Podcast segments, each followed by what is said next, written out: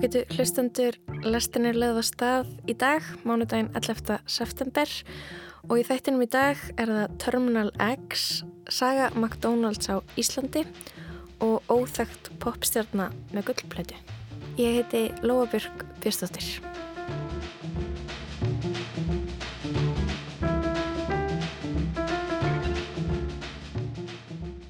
Lestinni barst sending frá Berlín. Í síðustu viku sendi Steindor Gretar Jónsson okkur viðtalsett við Guðnju Guðmundsdóttur og Gjörningaklúpin um síningu þeirra Written in Blood, blóðu að líf í galleri Guðmundsdóttur í Berlín.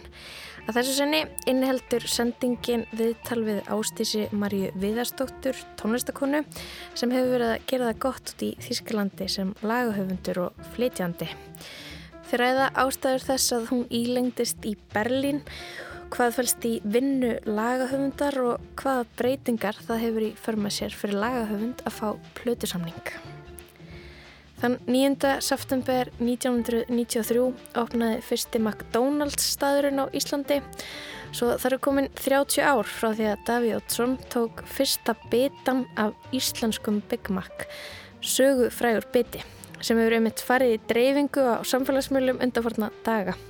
Árið 2019 þegar tíu ár voru liðin frá lokun McDonalds á Íslandi gerði Anna Marsebill Klausen fjögur þáttaserju þar sem að uppgangur og endalokk þessar skyndibitakeðu hér á landi eru rækin. Við ætlum að endurflytja þessa skemmtilegu serju í vikunni í tilefni Stór afmælis McDonalds á Íslandi. Serjan heitir McBlessi Ísland. En við byrjum á því að heimsækja Littla Galleri Lítið galleri sem er staðsett á strandgötu í Hafnafyrði. Þar taka á mót okkur þær Olivia Kvokk, Borghildur Indriðadóttir og Freyja Eilif. Borghildur og Olivia eru skipilegendur síningarinnar Terminal X Tangibility and Waves, áþreifanleiki og bylgjur. Síning sem opnaði þann 7. september síðastliðin og Freyja Eilif er einn þeirra tíu myndlistamanna sem er að verka á síningunni. Kunst ist keine Politik, Kunst ist keine Politik, Art is no politics, Art is no politics. Þarna heyrðu við brotur vítjuverki eftir Jonathan Messe. Vítjuverki er eins konar manifesto sem til sínis í Lillagalleri. Jonathan er þekktur þýskur myndlistamæður, vinkonu mín sem er myndlistakona, lísti honum sem Adidas skalla myndlistamanni nettur og augrandi og fyrirmynd margra ungra sem að nema myndlist í Listaháskóla Íslands. Ég spurði Borkildi hvernig það kemur til að hann væri með á síningunni í þessu litla galleri. Já, hann er uh, með af því ég fór í svona brainstorm og hugsaði ég verð, vill hafa þýskan listamann með í á síningunni mm -hmm. og þá dætt einn listamæður út sem að komst ekki, gæti ekki verið með og ég vildi fá svona svipa orku og frá þeim listamanni. Og hann algjörlega representa það.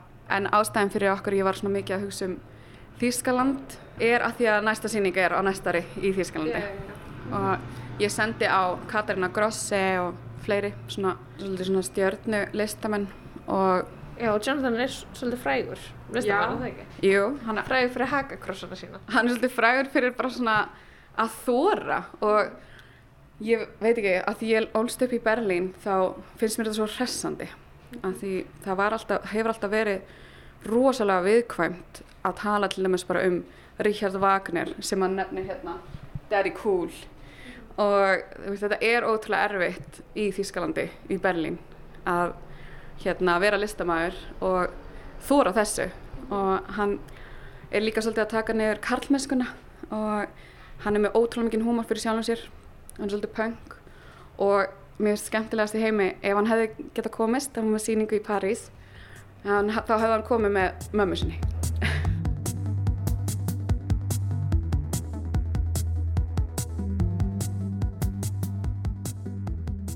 Olivia sem er önnur skipulegenda síningarinnar var að koma í fyrsta skipti til Íslands til þess að setja upp síninguna. Uh, yes, it is absolutely the first time uh, participating in a show in Iceland and also the first time in Iceland. Ég bað Olivia um að útskýra fyrir mér hvað Terminal X er. Yes, uh, Terminal X is um, seen to be an art collective um, that tries.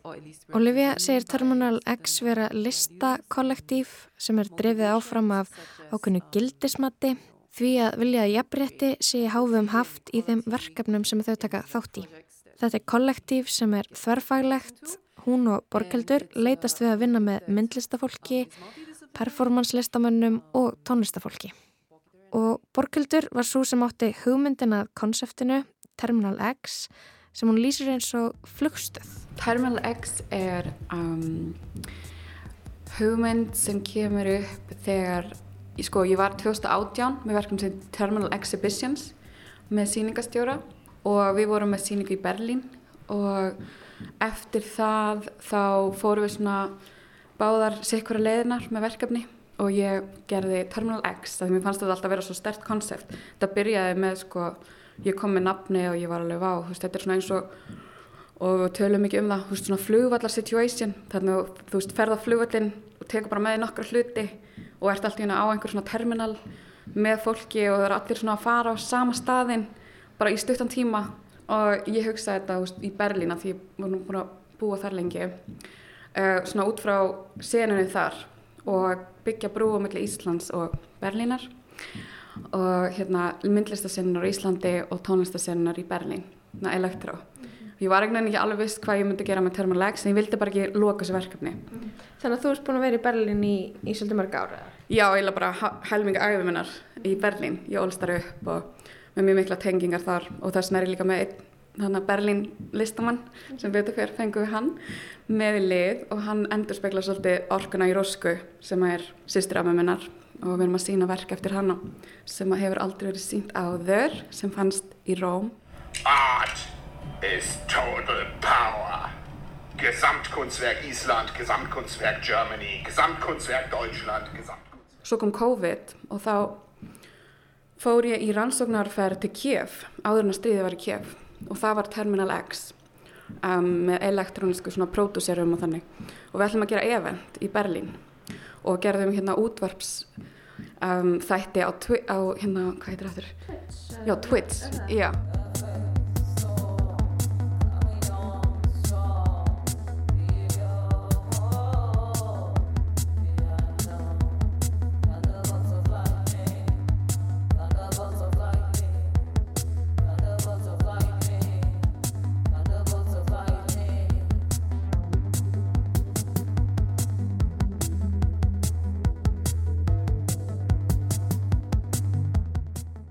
Þannig að þessir tíu listamennin hérna á síningunni, þetta er allt fólk sem einhvern veginn á einnan hátt tengist þér að þú velur?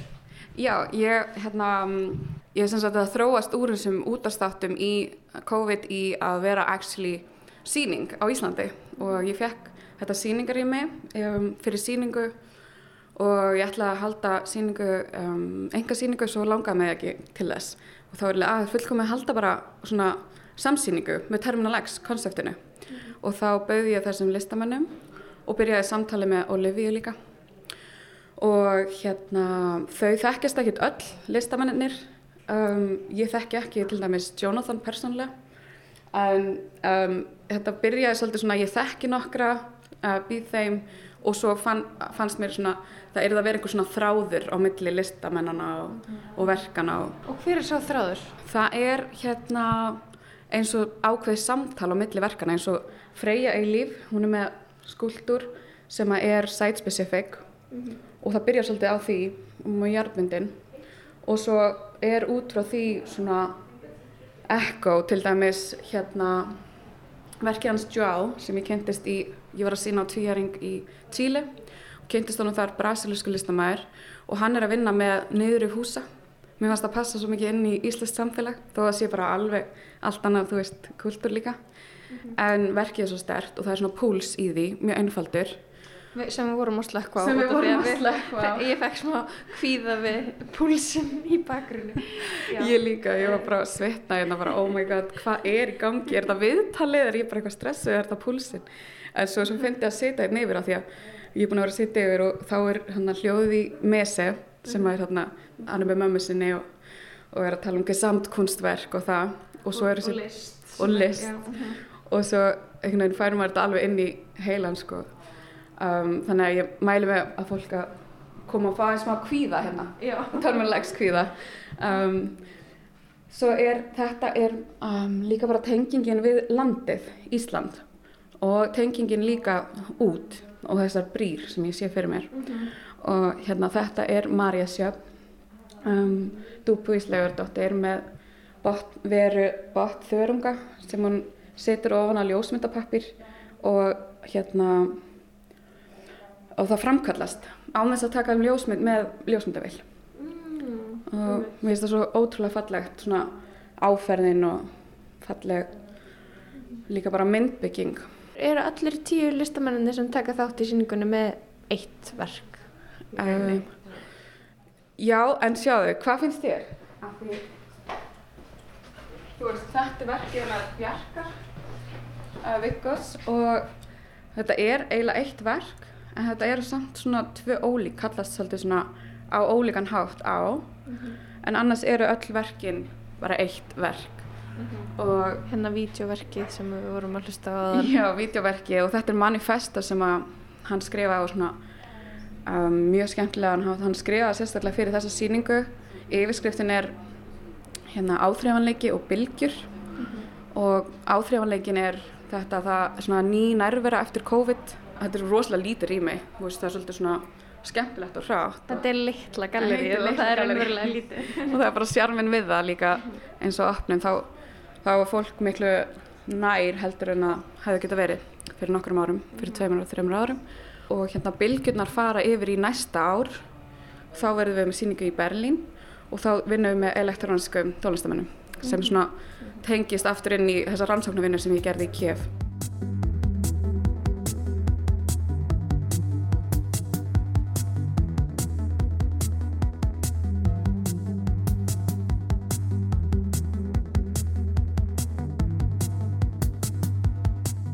Og þú sagði að þetta verk hefði fundist í Ró.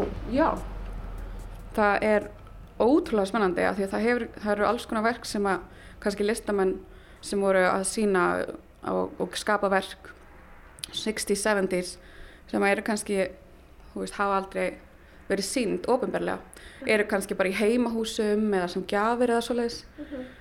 Og mér finnst svo mikilvægt að sína að fólk fá að sjá og það er búið að koma mikið af hapfringum, það er búið að koma mikið af hérna, um, bara fólki úr nýri miðbæ og residensíu, hérna, listamenn Hvað stendur hérna? Er þetta Já. Róska 68? Já, Rjöska 68 og mér finnst þetta áhugavert af því að þær eru hérna, eru nunnur og kirkja og þetta er svona trúarlegt en samt svona algjört, þú veist, anarkisma rock í, í handskriftinni, teikningunni og þegar maður er með þetta á móti sem að segja no religion, no fear þá er eitthvað svona humbling að sjá líka uh, þessa teikningu sem ma- maður veit ekki alveg að að Óskar ekki meðal okkar, veist, hvort þetta sé til, veist, tilbúið, hvort þetta sé um, kláru mynd Aha. Eða ennþá í vinslu. eða ennþá í vinslu.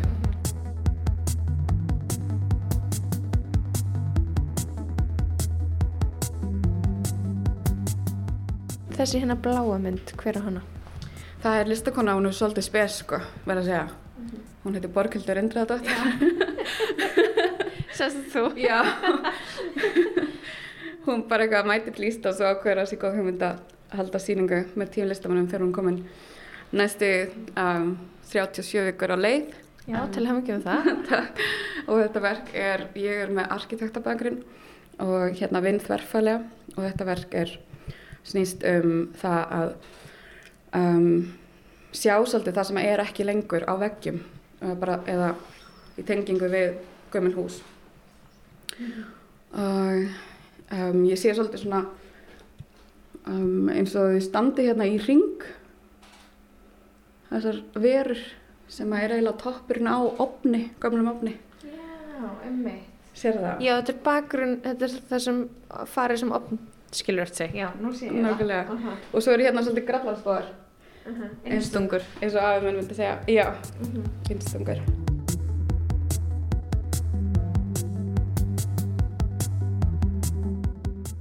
Freyja, kannski ég spillu við þig um, um verkið þitt. Hvað varst þú að, rannsaka með, í þínu verki fyrir þessa síningu? Ég laði upp með að vinna með rýmið.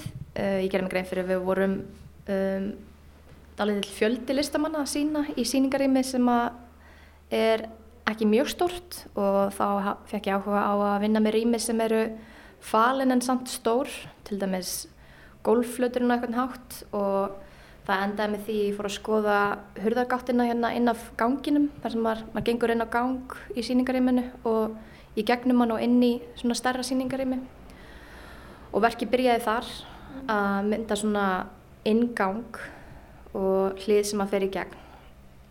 Og formi sem ég skar sér sagt út úr uh, plötunni fyrir gangin er í teikning af svona veru sem minnir á mannveru og meira svona eins og andi.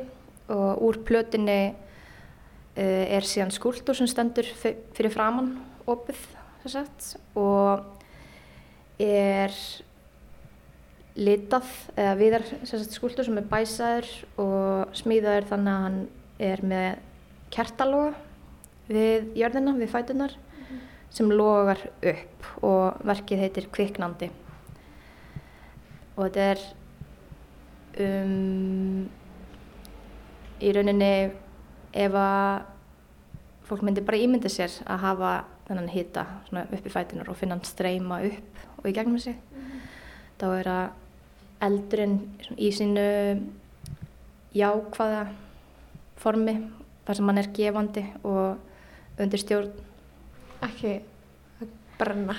Nei, er, hefur þessi, þessi tvenna eiginleika í sér að geta e, rifið niður og svo gefið alveg gríðarlegan kraft og þannig hérna er hann einangraðir í þetta e, gefandi eins og kertalögi er ef hann er Það er arneldur. Já.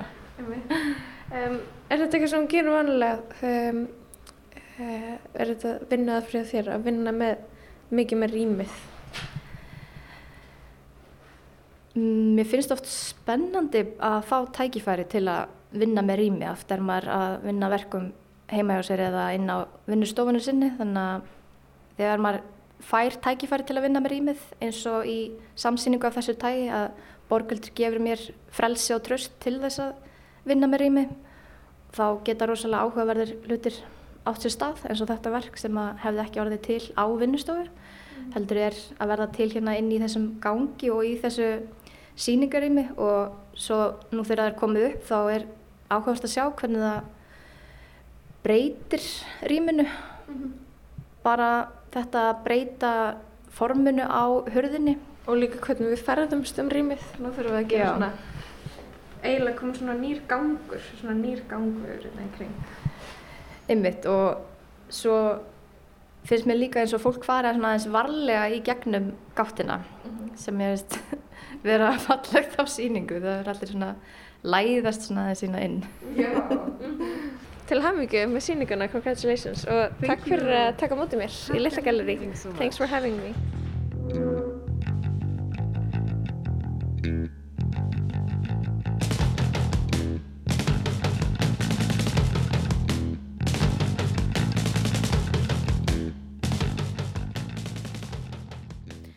Við rættum við þær Ólafíu Kokk, Borghildi Indriðadóttur og Freyju Eilif, myndlistakonur um sýninguna Tangibility and Waves áþreifanleiki og bylgjur sem stendur yfir þessa dana í Littla galleri í Hafnafyrði. En næst ætlum við að fara úr myndlistinni yfir í tónlist. Steindor Gretar Jónsson er spirill og það er popstjarnan Ástís Maria Viðastóttir sem sittur fyrir svörum. Þau eru bæði búsett í Berlín En Steind og Gretar mun vera hér í lastinni með regluleg innslög á næstunni sem hann sendur okkur frá Berlín þar sem hann tekur viðtöl við íslenska listamenn búsetta þar í borg. En það má ætla að það sé tölverður fjöldi.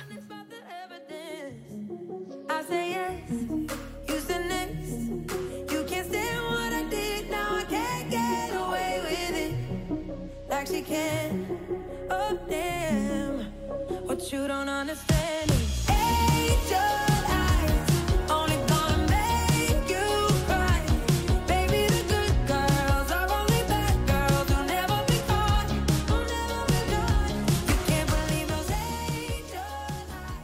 Við erum stödd hér á Reuterplatz, þetta er í Neukölln hverfinu í Berlín eða, eða mögulega Kreuzköln en þessu eða stundu kallað af því þetta er svona á landamærinu við Kreuzberg. Og hér með mér er Ástís Marja Viðarsdóttir, söngkona, lagahöfundur og gleðigjafi, er betur þekkt hérlendis aðeins sem Ástís. Takk fyrir að spjalla við okkur í dag. Á, ekkert mál, takk fyrir að fá mig. Uh, þú komst til Berlínar í tónlistanám 2016 en hefur ílengst hérna og, og hvað hva er það sem heldur þér í borginni? Ég meina, erum við ekki töldu bara stödd í því akkurat núna? Þetta er ógæft að finna spurning að svara bara í 23. steg að hitta í garði þar sem er bara ein, einum af mörgum garðum hérna í borginni. Það er alveg bara hvað er dásamlegt að vera hérna. Einmitt. Það er dásamlegt á Íslandi líka og ég fer ógæslega mikið til Íslands en það er svo, ég, það er svo oft sem að þegar manni þegar maður lítið lítið svo stígur út fyrir húsi stýrin í Berlínu og hún tekur svona hlýlega og rólega á móti manni og er bara svona það er svo næs, það er svo næs að búa hérna ég mæli mig við alla kominga að búa hérna en ég meina svo byrja allir að flytja hingað. allir að flytja hinga, ekki alveg allir en ég meina það er samt ef allir á Íslandi myndu flytja þá væri það samt bara eitthvað spanda og eitthvað Já, mér skilst að Neukölln sé cirka 300 og eitthvað þúsund mann sko, svipað á Íslandi. Já, það er nöttsó sko. Bara Það þetta er- hverf, sko, hverfið sko. Ég, og ég meina, margir Íslingar í þessu hverfi Já, En ég mæli með þessu við mann hvern En ég, byrja, ég náttúrulega varð hér lengur að það byrjaði að ganga svolítið vel já. Ég byrjaði að fá meiri vinnu og ég ætlaði að flytja heim eftir námið En svo uh, byrjaði bara Byrjaði, fekk ég samning við þýst útgáfafyrirtæki uh, Þegar ég var Nei, svona þýskan útsendan út, Hvað heitir þetta eftir? Svona Uh, svona distributor Já, svona já, publisher, dreifingaraðili dreifingaraðili, einhverju, já, þakka já. fyrir ég vist afsögnar hérna, já, árið 2019 og þá byrjaði bara að vera daldið mikið að gera hérna. Og ég ferðast rosa mikið og þetta er rosa góð höfn. Rosa góð höfn Einmitt, Þú ert búin að vera daldið í svona einhverjum svona lagahöfunda residensíum já, og, og, og maður er alltaf að sjá þig einhvers staðar hér og þar í heiminum. Hvernig gengur það fyrir sig? Þið farið og hittist og gerir tónlist saman, mismöndi lagahöfundur eða hver í sínu lagi eða hvað? sko, allir ef við seg, eh, það hittast allir á fyrsta degi og svo eru svona þrýr til fjórir af hóprum setti saman í nýja hópa, þú veist, setti saman og svo nýjir hópar á hver mennst degi og það er ætluninn að það sé eitt lag á dag fyrir hvern hóp. Vá, en auðvitað uh, þú veist, má maður gera eins mikið og maður getur maður, að, þú veist, má maður vera bara að allan daginn og gera það sem maður vill. En þetta er svona umhverfi til sköpunar einmitt. laga. Það er ógeðslega gaman, ég get ekki logið þetta, þetta virkar mjög luxus sko, því ég er búin að vera að fljúga út um allt og eitthvað. En þetta er það er, það er, já, það er þetta er samt vinna, ég lofa, þetta er Já, alveg já. þetta er alveg erfitt, sko. Þetta er tekur mikið á kreatífinu og svona dag, marg, kannski er í tíu daga sem er nýtt lag á hverjum einast degi með nýju fólki á hverjum einast degi og maður er svona opna og hellur hjartan á sér á, upp og nýtt á hverjum einast degi. Já, það er mjög erfitt, en það er líka ógslag gaman. Einmitt. mæli líka með því hvernig, sem er mæli, mæli með. Bara taka yfir þitt líf er það sem fólk á að gera. please, please. Eða fá eitthvað svona, svona fá eitthvað svona, svona ghost sem að gera allt sem ég gerir, svona hvað heitir það svona understudy. Já, ég skal taka eitthvað námið og taka hann bara með mér út í lífi það var nú gaman. Ertu með einhverja ákveðna nálgun þegar þú semur lag? Byrjar á texta eða, eða laglínu eða... ég byrja eiginlega aldrei á texta. Já, það er svona, mér langar ofta að gera það en ég er, það sem ég skrifa í nót sem mitt er oft mjög torskilið og það er, þú veist, ég byrja, ég byrja á hugmyndum, ég skrifa niður svona, ó, var næst að semja lag um þessa tilfinningu eða var næst að semja lag sem heitir þetta. Svo skrifa niður alls konar hugsanir það er ekki oft sem ég sest niður og skrifa heilan texta án þess að vera með melodi af því að ég er melodísk í eðli mínu. Ég er svona ég er uh, það, um, það er kannski oftast þegar ég er í svona herbyggja fyrst minn gefett næs að byrja með eitthvað smá smá hljómagang og svo bara syngi eitthvað yfir og svo oftast kemur titillin bara í, maður verður að vera mjög óhrættur við að bulla orð og eitthvað og þá kemur titillin oftast þegar maður heyrir eitthvað já, þetta er nú eitthvað veist, þetta er kannski eitthvað opnar einhverja tilfinningu hér og sagðir inn að sagðir á hann inn að uh, can't believe in love eitthvað, það er, það er geggjaði titill og þa þannig heldur það svona áfram. Mér finnst allan að þægilegast að byrja þannig að fara bara uh, opna bara mækin og byrja strax að rekorda. En það er ógeðslega mismöndi hvernig fólk vil gera það sko. fólk getur verið mikið um, þú veist, það er ógeðslega mikið af fólki sem gerir þetta og gerir það svo öðru sig en það er sumir sem er bara, nei, klárum að semja alltaf fyrst áður en við tökum upp á mikrofón. En ég allan að mest landi því að þegar ef ma- ef maður er að taka upp mikrofón frá byrjun þá missir maður ekki að neinu.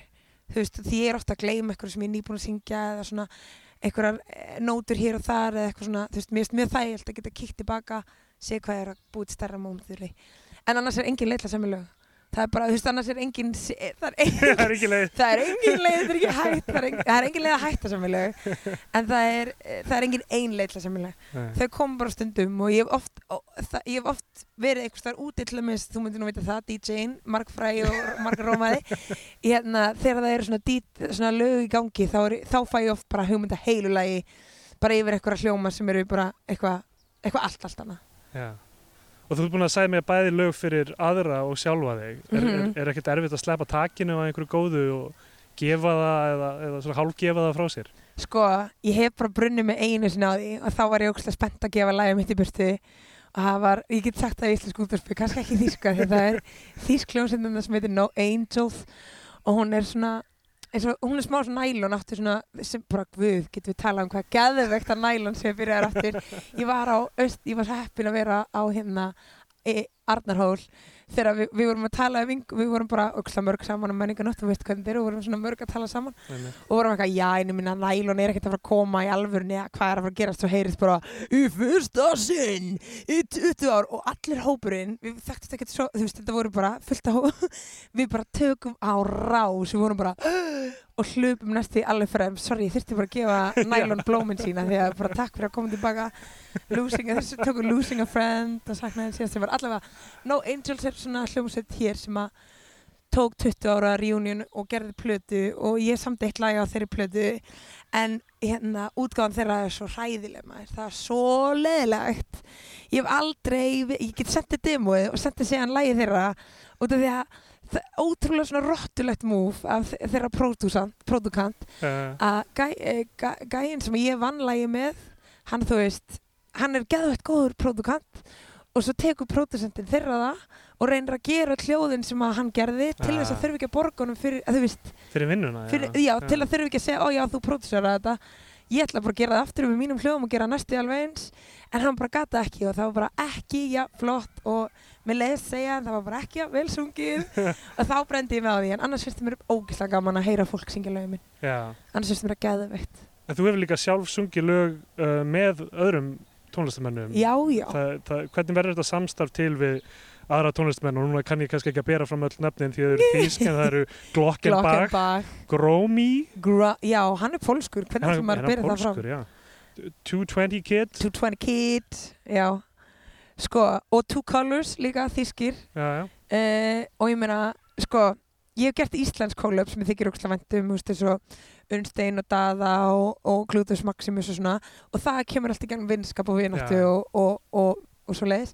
En þetta er flest svona fólk, allir sem þú nefndir þarna eru svona fólk sem að ég hef verið að reyna að pizza lögin til, þú veist, ég hef sami lögin og pizzaði til ein- einhverja og þá lendaði hjá DJ sem er eitthvað, já, ég skal gefa út með þér, skilju, þú mátt vera á því, já, já. þú veist, það er, það virkar einhvern veginn þannig. Einmitt, þannig að það, það hefði mögulega getað farið þannig að þeir hefði bara búið einhverjum öðrum söngvara með Já, eitthvað þeir, það er oft sem það gerist, sko, sem þeir eru bara, já, ég, ef það er eitthvað svona risastór DJ eins og, þú veist, David Guetta eða eitthvað. The King, þá hérna, þú veist, ef að ég myndi senda hann um lag, þá er hann eitthvað, já, geggja lag, ég ætla að fá hérna, þú veist, fá Bibi Rexa, Kelly Rowland, eitthvað eitthvað. rosalegan til að vera með. En þetta er, að- veist, þetta er allt svona fólk sem var eitthvað, já, við viljum ekki, við viljum ekki þurfa að skipta um vokalista, þannig að við gefum það bara út með þér. Já, og þetta, þetta eitt af þessum lögum alltaf var gull, var það ekki? Jú, Ég vissi ekki einu sinni að við varum lengur að mæla gullplötur og slíkt því að á á tíma streymisveitana og svona. sko, það er komin formúla Já, það er komin formúla fyrir streymisveitur yfir í gull og hún er einhvern veginn eitthvað ég veit ekki, tjúst, tíu, ég kann hann ekki, ég ætla bara algjört. En þetta er eitthvað svona, eitthvað x mikið af plays, x mikið af spilunum á Spotify já, og iTunes og svona uh, er jafn mikið og eitthvað eitt kaup. Emmitt. þannig að þetta er gert einhvern veginn svona, já, þegar 500.000 manns kefti plötur eina, er gull uh, lagi var gull í Þýsk lagi Dirty Dancing var gull í Þýskalandi Já, sem þýðir að það hafi, því hafi verið streymt eitthvað svona og spila mikið í útvarpið þetta er eitthvað rosa formúla en þetta er allan enn hægt. Það Já. er, við erum enn það, það er enn hægt að fá gull. Það, það, það er alveg, alveg magnaða að, að þú sem er gull í Þýskalandi. Já. en, það er eiginlega crazy. Ég er ekki komið plakkan ennþá því að kostar þú kostar eitthvað tíust efur eða eitthvað þá í alveg þarf þú að borga? ég- nei, ég á ekki þurfa að gera það. Ég er að býja eftir eitthvað að gefa mér það. Það er svona, þetta á að vera svona gjöf frá leipilinu ah, ég þarf ekki, ég, það vitið allir sko, ég þarf ekki hérna þú þarf, en það er samt svo, það er samt svo nett já, já. en ég á það eitt veit það plagg svona á arinhillunni já, einmitt, yfir arninu mínum hérna kveikjum í arninu mínum í íbúðinu minni hérna í Nökul um, en, en, en þú ert farin að semja meira tónlist sem þú síðan sjálfa að, að performera núna og þetta koma meira fram sem soloartisti Já. ekki þessa dagana ég meina, er, er, það- er það að stefna fram á því? Það, þetta, vonandi get ég bara gert einhvers konar, einhvers konar flæði af þessu báðu að þeim það bæði svo skemmtilegt Já, og ég get ekki ég mun, þú veist, alltaf reyna eldast þetta tækifærið að fá lagi mitt spila það einhverjum, einhverjum sem ég lítur rosa mikið upp til. Ég er en þá eldast við þetta svona svona, oh my god, Rosalía, ætlar að syngja lagi mitt þó að það gerist aldrei, en þú veist bara, ég er ennþá eldast við þetta svona moment þar sem að uh, já, þar sem að stjörnu heiminin er, er, er Herkules skrifað í það bara þessu nafnum mitt bara. En hérna ég, ég ger, skrifaði undir plötusamning í byrjun árs þannig að það mun koma ótrúlega mikið meira frá mér líka Já. sem er ógeð það gaman Þú varst að segja mér að, að áður en við byrjum að taka upp og þú værir með tölvert af efni sem þú verður að velja. Úff, þú getur ekki ímyndað þér af því að núna er öll lög sem að ég var að semja fyrir aðra núna þarf að spyrja, núna þarf að spyrja spurningunni er þetta kannski lag fyrir þig Já, og þá erum við með katalóg upp á þú veist, 300 lög eitthvað vá. En ég meina ég er náttúrulega með svona þrjú uppáhald svo ég veit alveg, núna þegar ég er að semja núna þegar ég veit að ég hef góðan plattform til að gefa út sjálf, þá er ég meira líka að semja svona með sjálfa mig í huga ekki bara, með, þannig að þetta me, kemur meira frá mér, þú veist, Angel Eyes sem er fyrsta lagi sem ég gaf út á þessum samning er, þú veist, lag sem er beint frá mér, skilur, Já, það var ekki fyrir neitt annan á neinum tímabúti, Já, það átti alltaf að vera fyrir mig og það er allt öðru sig, eða þú veist, það er allt öðru sig væp að semja svo leiðis.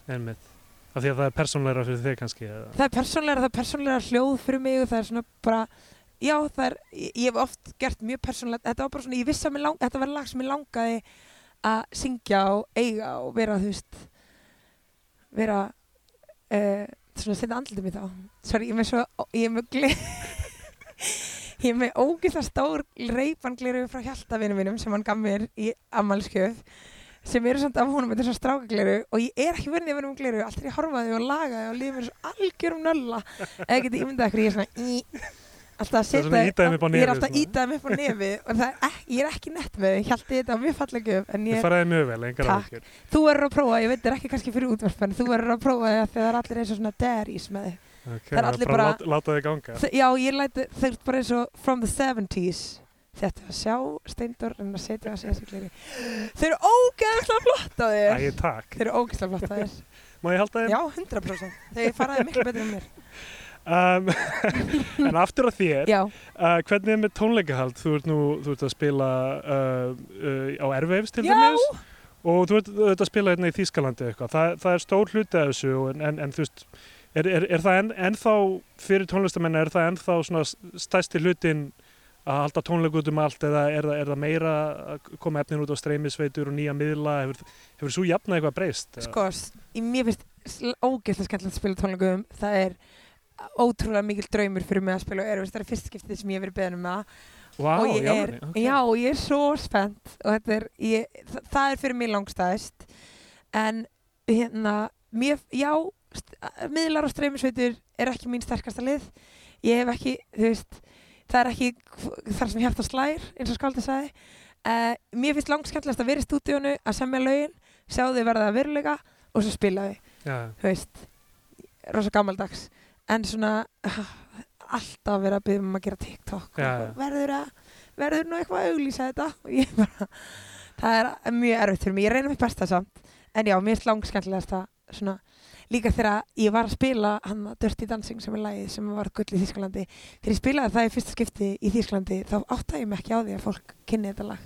Já, það voru bara svona óvænt bara hópur fólk sem að kunni þetta lag og ég var bara, guð, mín bara heilir bara, ég spilaði um held ég þrjá tónleika ein, hvert eina skipti.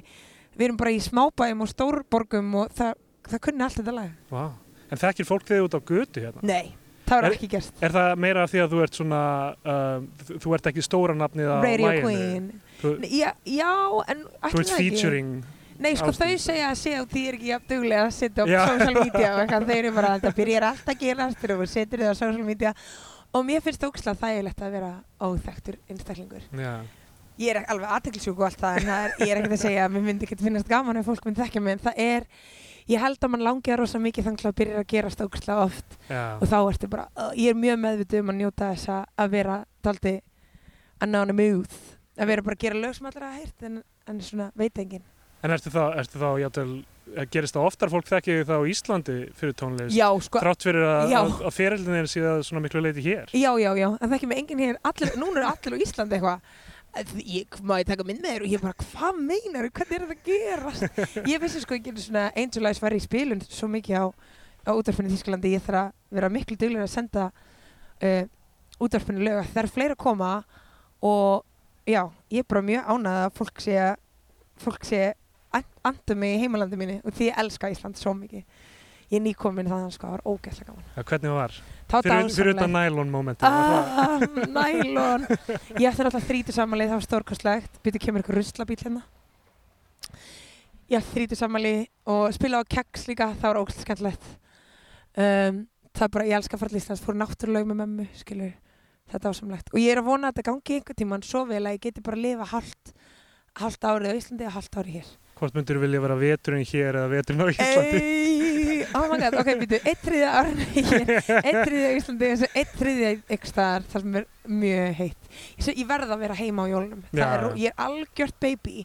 Sko mamma gerir alltaf grínum mér hún er bara eiga fara ma, þú veist, eiga fara í hús út á Spáni og fara til Gríkland og ég er bara nei verðum að vera verðum að vera heima. Er eins og gamall kall ég vil engur láta breyta sami maturinn sami eftirrætturinn sama jólaskreitið ég bara þetta verður að vera allt alveg eins Veturinn er nú ekki mjög mildur hérna heldur. hann er ekki mildur, ég held ég myndi frekar að vera á Íslandi no joke, Já, já. neða samt ó, svo- það er, hva, ég meina þú nístir býr hér hann nýstir, en það er samt alveg svona það er meira að gera, skilur það er bara, Já, í já, vetrinum þá eru samt bara tónleikar og comedy nights og þú veist, einmitt. alls konar þúsund veitingastæðir og ég meina Vabali er hér á Vabali er hér á Fræga, uh, já, hvað kallar maður að þetta, svona spa? já, ó ef þið komið einhvern ne einhvern tímann til nektar Berlínar- spa. nektarspa.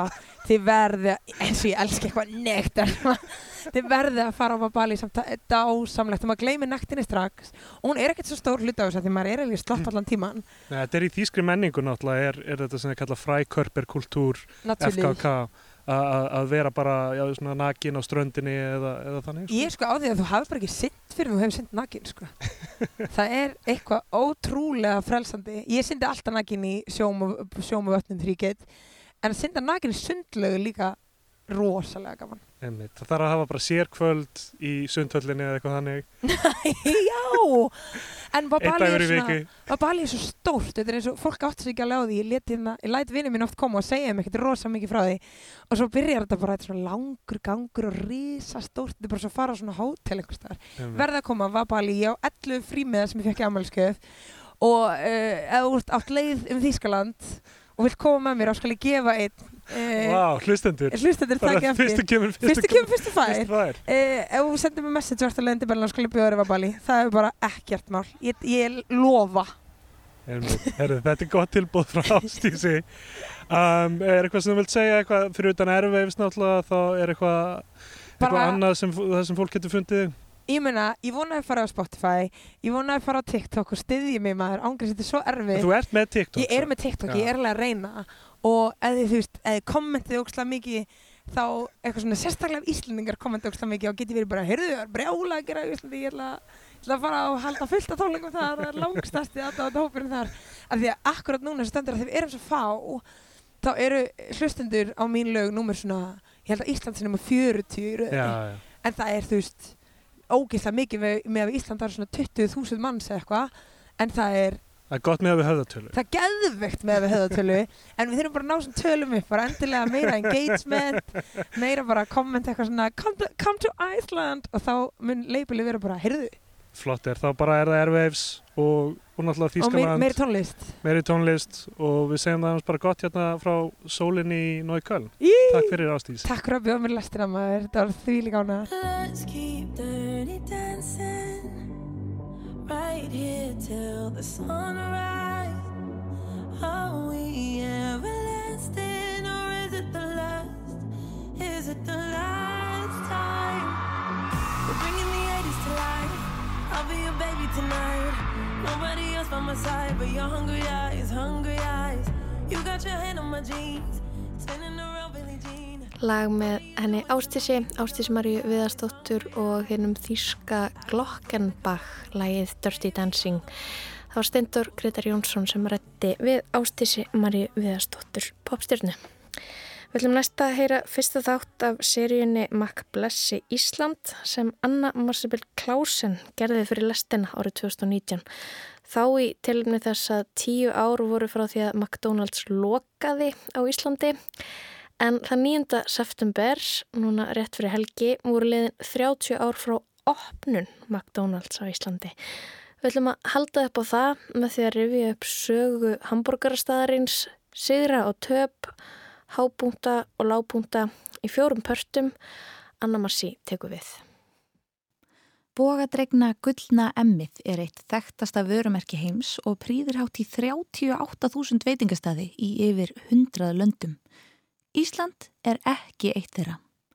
McDonalds er einn helsta táknmynd alþjóðavæðingarinnar og þegar keðjan yfirgaf Ísland í kjölfar bankarhundsins 1. november 2009 var brottkvarfið tólkað sem enn ein niðurlægingin á alþjóðavettvangi. Sönnun þess að Ísland væri á einhvern hátt þriðja flokks ríki. Á sama hátt markaði innreið hambúrgarrisans á íslenskan markað kaplaskill í sögu þjóðar, innreið nýfrjálshyggju og þáttöku í alþjóðlegu markaðs og fjármálakerfi. Í þessari ör-seríu innan lestarinnar hér á rás 1 rínum við í sögu McDonalds á Íslandi sem táknmyndar efnahagsfrunnsins og ris og falls Íslands innan alþjóða samfélagsins. Þetta er Mac Blessi Ísland.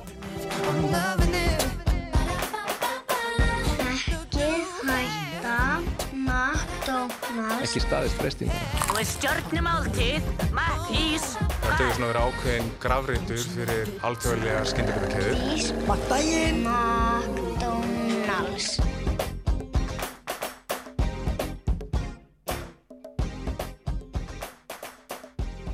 Árið 1990 stóð Kjartan Örn Kjartansson á tímamótum.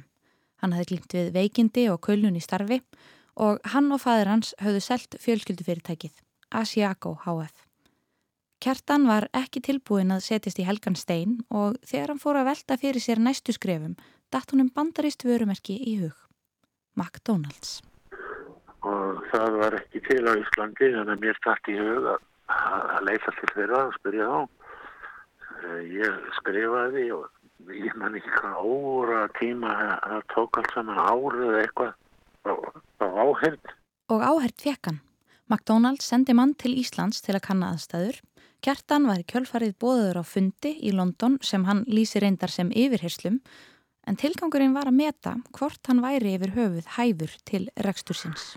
Þess að gera langa sögu stuttar þá var það úr að mér var bóðið að koma í þjálfun. Ég fekk ekki samningi strax. Í janúar árið 91 eða 92, Kjartan er ekki alveg viss, fluttið hann búferlum með fjölskylduna sína til Manchester í Englandi. Þess má geta að í dag er Kjartan sestur í Helgan Stein og talar til okkar frá Spáni en á þessum tíma lagði hann allt í sölurinnar til að opna fyrsta McDonalds staðin á Íslandi. McDonalds International vildi sjá hvernig hann þyldi álag og leta hann þrýfa ruslagáma, skúra gólfin og skrúpa salernin en eftir viku af slíkri busun var hann um bóðið að fara í formlega þjálfun á eigin kostnað í áttamánuði í McDonalds háskólanum.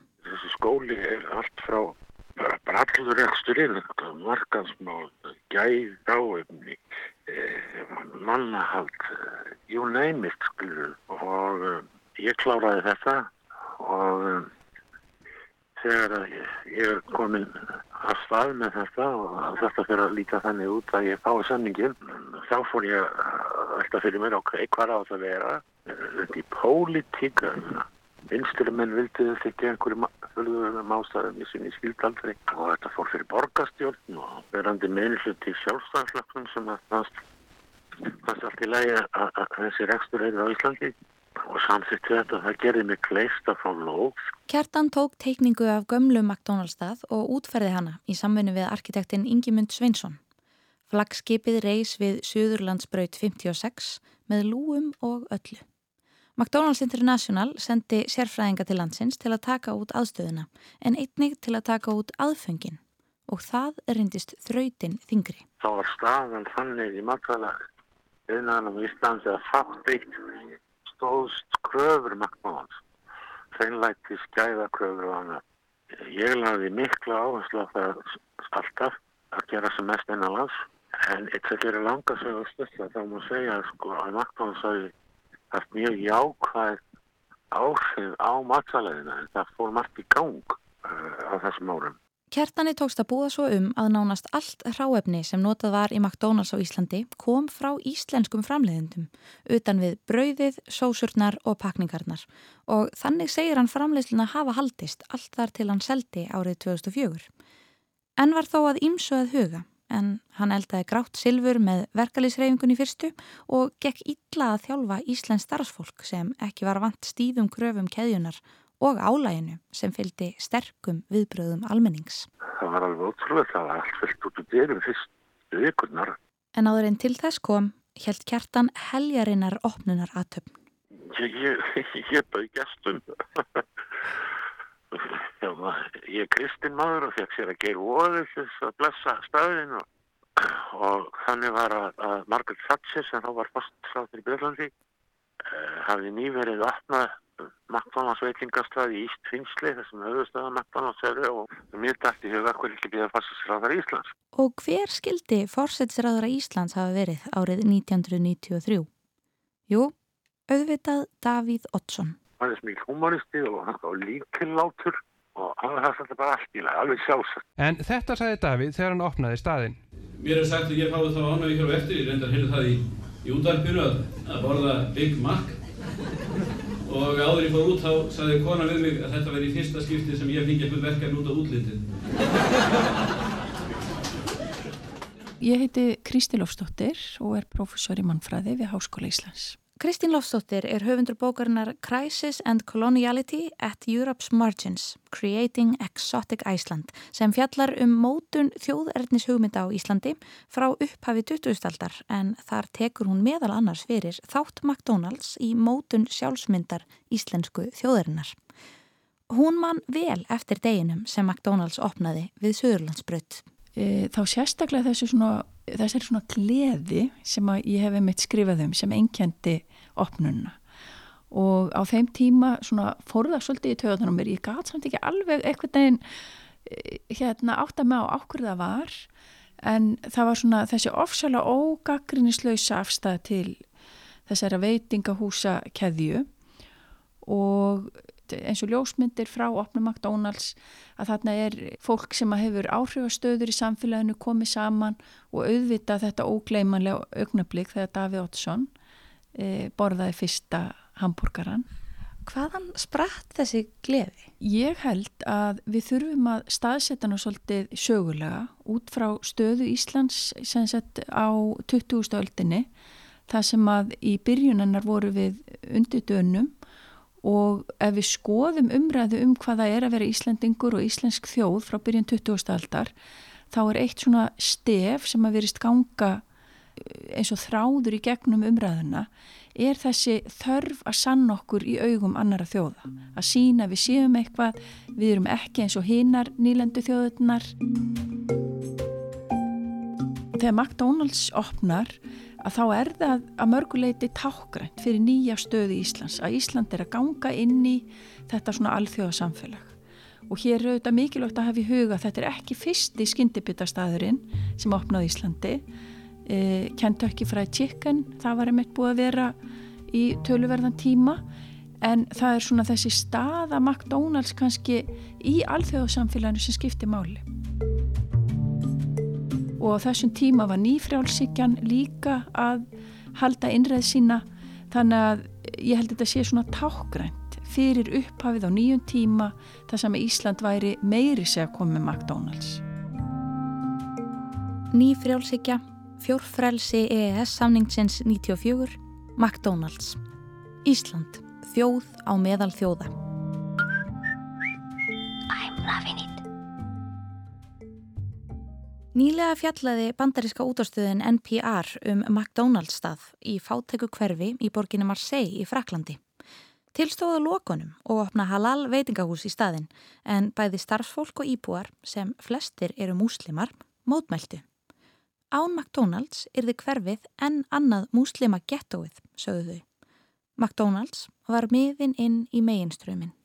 Ég held að staða McDonalds í bara þessum heimi er svolítið svona sérstök. Þetta er merkið sem að fólk þekkir mjög, það er til svona McDonalds vísitala og hérna og við sjáum bara víða um heim að McDonalds það er mjög bæði umdeilt og líka einmitt svona sérstaklega í, í fátakari ríkjum eitthvað sem að fólk vil uh, tengja sig við og á tímabili var einmitt talað um sem ég held að síni líka svolítið stöðu McDonalds að þá var hérna talað um bara nattvæðinguna eins og McDonaldization eins og þetta væri svona McDonalds væðing og ég held að það svona einmitt kalla fram þetta svona McDonalds sem meira heldur um bara einhver hambúrgari e, gerður ákveðin staðlaðan hátt að hann er líka svona tákgrætt fyrir ákveðna breytingar í því að, að framleiða og, og neyta og ákveðna svona einsleitni þrátt fyrir að hann sé að sjálfsögða ekki eini staðurinn sem gerir það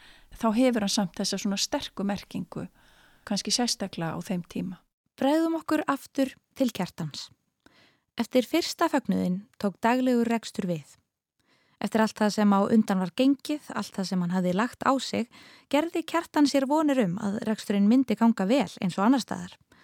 Og vissulega gekk ímislegt upp. Þegar mest létt voru 150 bílar afgreitir við lúuna á Suðurlandsbrut á klukkutíma.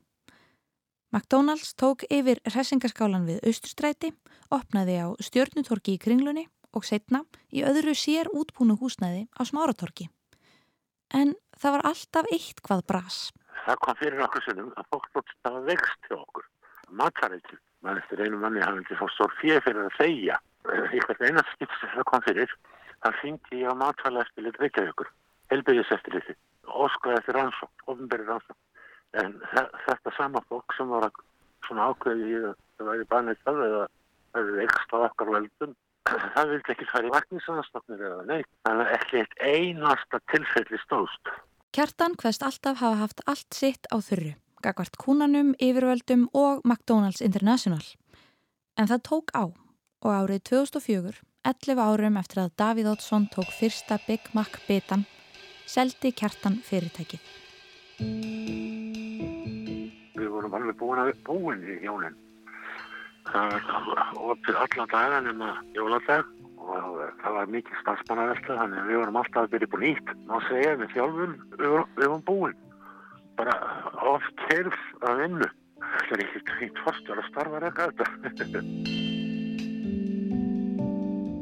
Það var svakalega leiðilt hvernig þetta, hvernig. Það gangverk sem að var, ég má segja perfekt, þótt að það hefði ekki verið arðbært og að sjá þar sinja að ástæðu leysu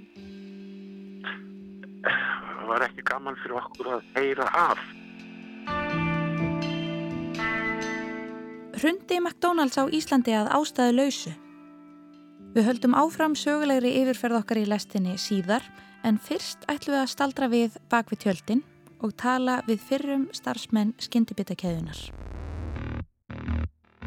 Og ég var náttúrulega valinn starfsmenn mánaðarins eins og niður sko, þar sem að er ennþá mögulega á félagsgránu mér. Nei, ég held að ég búin að taka át. Makkblessi Ísland. Anna Marsabell Klausen, þetta var fyrsti þáttur af fjórum úr örseríunni Makkblessi Ísland frá árunni 2019 sem við ætlum að endurflytja í vikunni í tilefni 30 ára afmælis McDonalds á Íslandi. Það komið leðalögum hér í lestinni í dag. Ég heiti Lóabjörg Björnstóttir og þakka samveldina. Tæknumæður í dag var Lítiða Gretarstóttir. Byrðið sæl.